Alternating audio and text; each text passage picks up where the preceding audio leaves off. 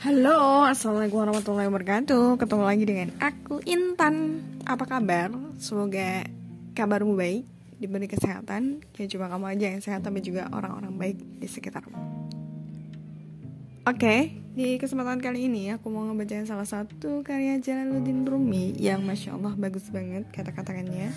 Dan semoga ini juga mengena di hati para pendengar sekalian ya. Langsung saja kita mulai Wajahlah yang membuat indah manusia, matalah yang membuat indah wajah, tetapi tutur katalah yang membuat manusia menjadi manusia.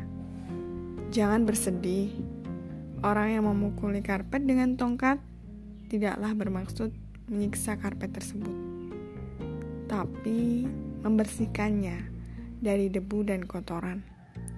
Demikian juga Allah dengan memberimu kesulitan.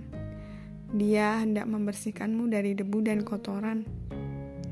Tak perlu bersedih jika apa yang kau inginkan tidak terjadi, itu pasti karena yang lebih baik akan terjadi, atau yang engkau inginkan benar-benar buruk untuk terjadi.